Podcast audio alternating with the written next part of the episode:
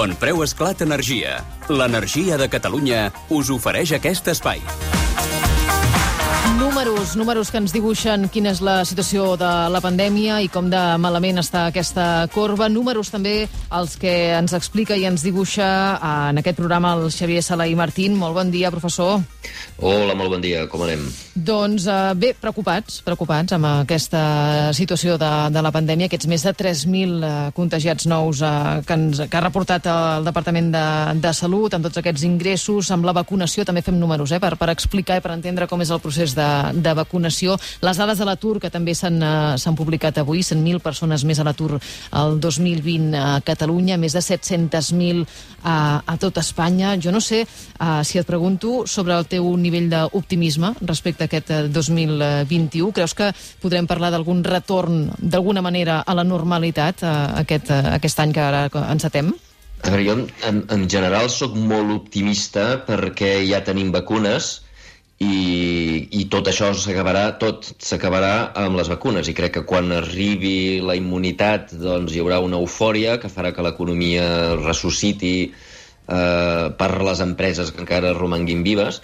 I, i per tant jo crec que la cosa anirà bé. Ara perquè tot això passi s'ha de vacunar. I a mi les notícies que estem rebent últimament és que eh, diguem, els científics i les empreses de, diguem, eh, farmacèutiques han fet la seva feina, ens han donat una vacuna amb un temps rècord, eh, i però en canvi els encarregats de gestionar la distribució d'aquestes vacunes estan fent un desastre a tot arreu.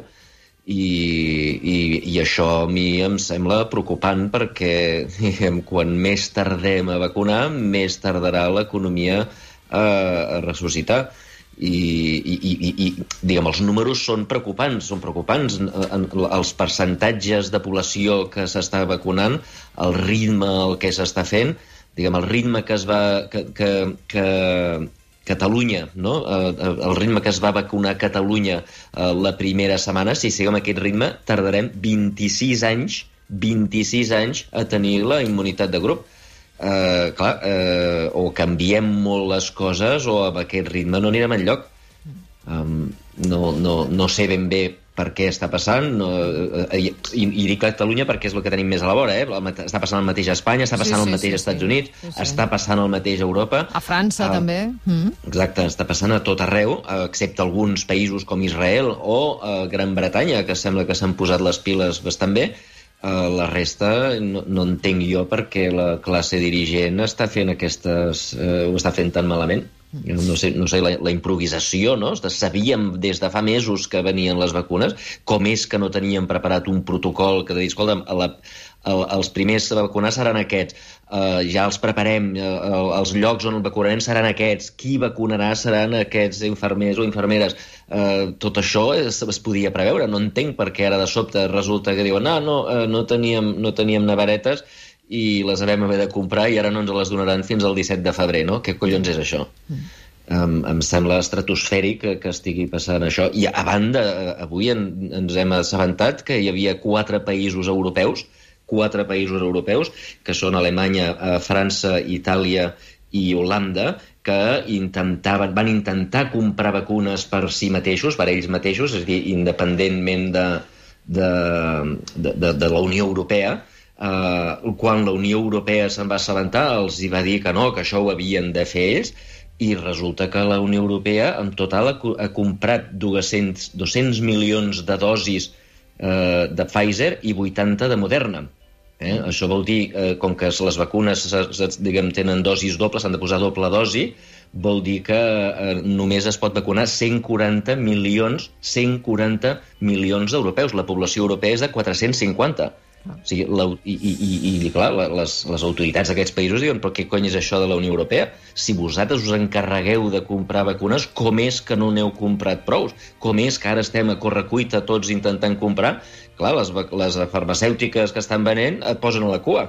Tota la gent que havia comprat i pagat per adelantat, doncs van primer. Eh, I ara tu et despertes, no tens prou vacunes, vas a la cua i no et donaran vacunes fins al juliol.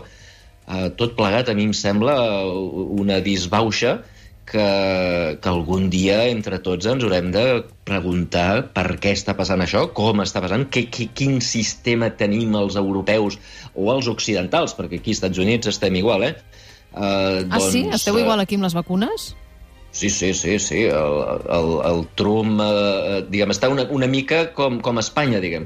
Eh, el govern central, no? el Trump, diu que això és una cosa dels estats, els estats diuen que no tenen calés per, eh, per contractar les, eh, els infermers i les infermeres que han de posar vacunes, i resulta que les vacunes hi són, perquè sí que els americans van comprar diguem, van fer compres de, de milions i milions de vacunes, tenen les vacunes, però no les poden distribuir perquè resulta que ningú té calés per, comprar, per, per contractar les, eh, les persones que les han de posar eh, una mica com a Espanya, no? que el ministre desaparegut, hi ha un ministre de Sanitat que resulta que ara ja no és ministre de Sanitat, que desapareix al mig de la pandèmia, el govern espanyol es desentén de tot, ni tan sols posa calés, que és l'únic que pot demanar prestat en els mercats internacionals, eh, ells diuen, escolta, això de les pandèmies, no? a partir del mes d'abril això és un tema vostre de les autonomies, o del mes de maig, jo no me'n recordo, van decidir abdicar, i ara es dediquen a fer política, a presentar-se a les eleccions i que s'apanyin les autonomies sense donar-los ni recursos, ni calés, ni res,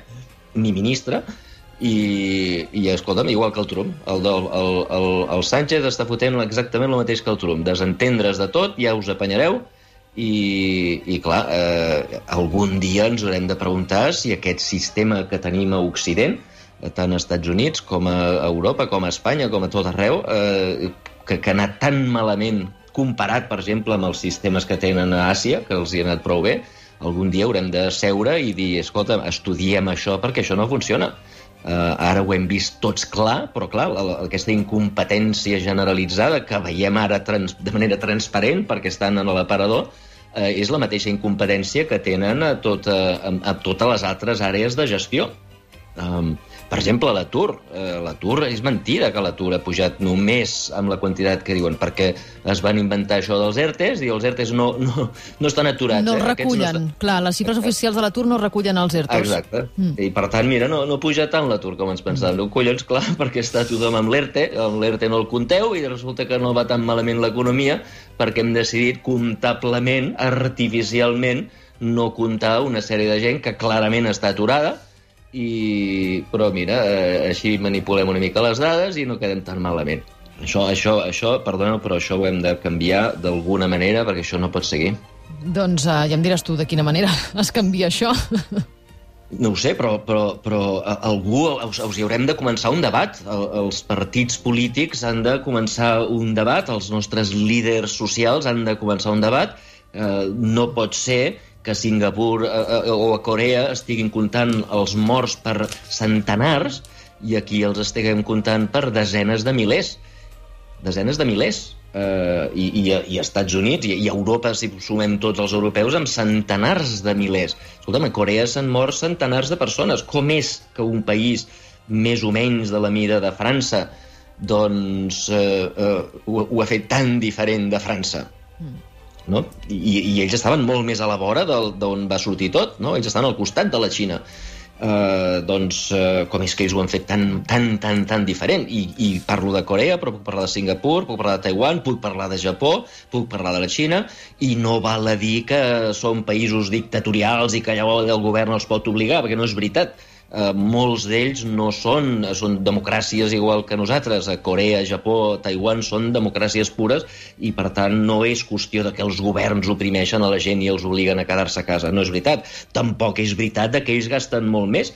El, el percentatge de la, del producte interior brut que es queden els governs, eh, per exemple, a Singapur, eh, és el 17%. Nosaltres és el 36. 36% de les rendes a Espanya se'n van al govern, 36. A Corea, a, a Singapur només 17. Com és que ells amb 17% del PIB ho fan molt millor que nosaltres que, tenim el, que, que ens gastem el 36? Això algú s'haurà de preguntar escolta'm, on van a parar tots aquests diners, per què estem malbaratant aquests diners, com és que ho fem tan malament? Tan malament. I insisteixo, això no és una cosa d'Espanya, eh? eh? és una cosa d'Occident, Estats Units, tots els països europeus, fins i tot els països europeus que figura que ho fan bé, com Alemanya, escolta'm, és una, una, una brutalitat la diferència entre Alemanya i Corea. sí, sí. en el número de morts, número d'ingressats, la, la gestió de com s'ha fet tot, fins i tot els nostres millors representants, els europeus, eh, diguem, els alemanys, no, no, no ho han fet bé i, ah. i, i això ens ho hem de plantejar, crec jo.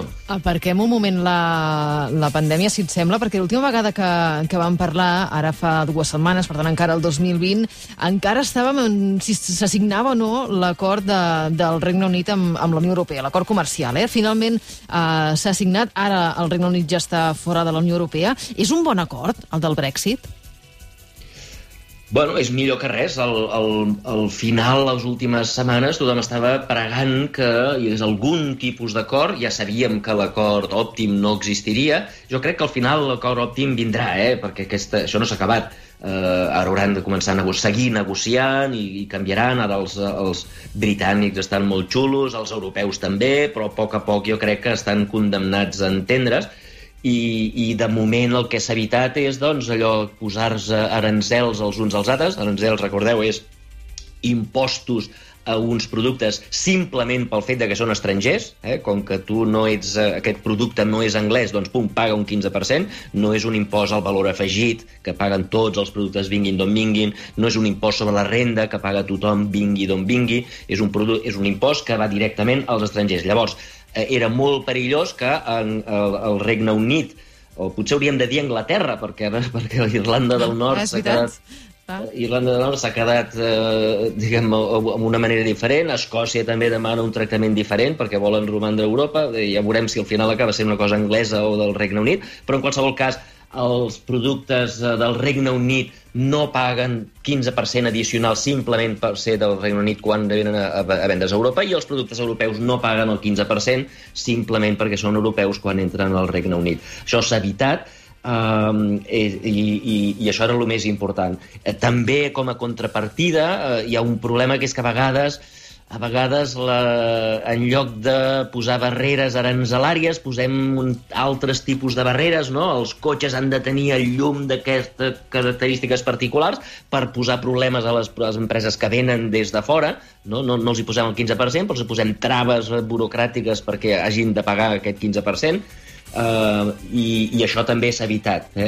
No, no hi ha ni aranzels, ni quotes, ni, ni, i, i tothom ha de complir més o menys els mateixos estàndards, eh? no, no poden posar els anglesos eh, estàndards particulars, els europeus tampoc, eh, i això s'ha evitat. Llavors, també, com deia abans, hi ha hagut l'acord de que Irlanda, la illa d'Irlanda, doncs, eh, no hi hauran, no es dividirà en dos, eh, per preservar els acords de pau, eh, no, no es posarà una frontera una frontera eh, diguem, per, per, fer la, per fer la duana i per tant eh, tota Irlanda sembla que es queda a Europa, a diferència de la resta del Regne Unit, i llavors també hi ha hagut petits acords en el tema de pesca, que era més una cosa d'egos que de calés, perquè la pesca és una part molt petita, d'aviam qui pot pescar on, doncs amb això també hi ha hagut un acord, i per tant és un acord de mínims, eh, però no, diguem, jo crec que aquest no és el final de la pel·lícula, eh? la, la, seguiran negociant i seguiran trobant punts de, de, de, punts comuns perquè estan condemnats a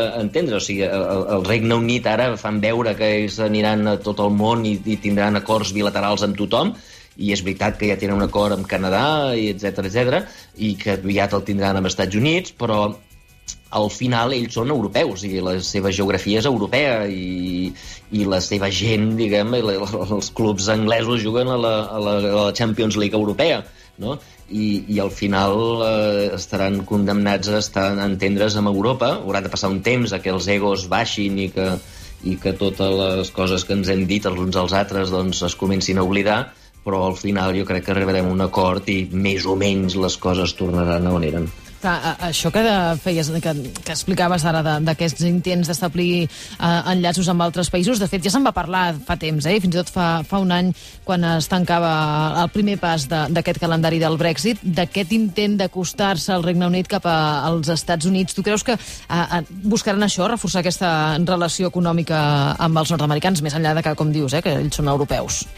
Sí, intentaran... A veure, és, ells, ells han, tots entendre que ells d'entrada són un imperi vingut a menys. Eh? Són, abans era un imperi molt gran i ara no tenen la importància que tenien, encara que ells tinguin deliris de que sí, són una mica com Espanya, diguem, des de que per Cuba i, i, i altres, eh, diguem, la resta de, dels 22 països que s'han independitzat. Ells, ells tenen encara aquest deliri de grandesa eh, i, però, però ells, a diferència d'Espanya, diguem, encara tenen substancials quotes de poder. Són una potència nuclear, tenen un seient al Consell de Seguretat de les Nacions Unides, són membres del G7, eh, són el segon, segon centre financer més gran del món després de Nova York, eh, tenen una economia molt potent, hem vist amb el tema de les vacunes, escolta'm, eh, ells han sigut els, no els primers, però els segons o els tercers a desenvolupar vacunes i els primers en, en aprovar-les, els primers en distribuir-les, per tant, diguem, tenen un, un, són, són una potència vinguda menys, però segueixen sent un país important.